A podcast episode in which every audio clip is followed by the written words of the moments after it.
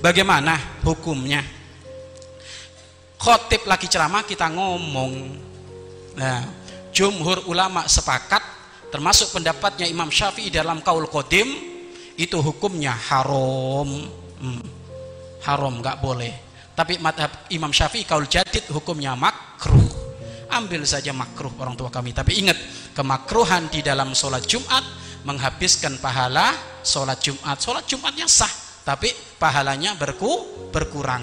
Walaupun jumhur ulama mengatakan haram ya. Jumhur ulama kebanyakan ulama mengatakan haram. Bahkan madhab Imam Syafi'i pendapat kaul kodim Imam Syafi'i itu ada dua pendapat. Ada kaul kodim ada kaul jadid ya. Ada kaul kodim ada kaul ja, jadid. Kaul kodim pendapat Imam Syafi'i terdahulu. Kaul jadid pendapat Imam Syafi'i yang terba, terbaru. Diankan Imam Syafi'i mengambil pendapatnya yang kaul jadid ya. Kalau jadid pendapat yang terbaru dari Imam Syafi'i itu adalah mengatakan mak makruh ya, makruh. Tapi kalau pendapat yang lama mengatakan ha haram. Intinya hindari ya. Jangan berbicara di saat khotib bercerah berceramah.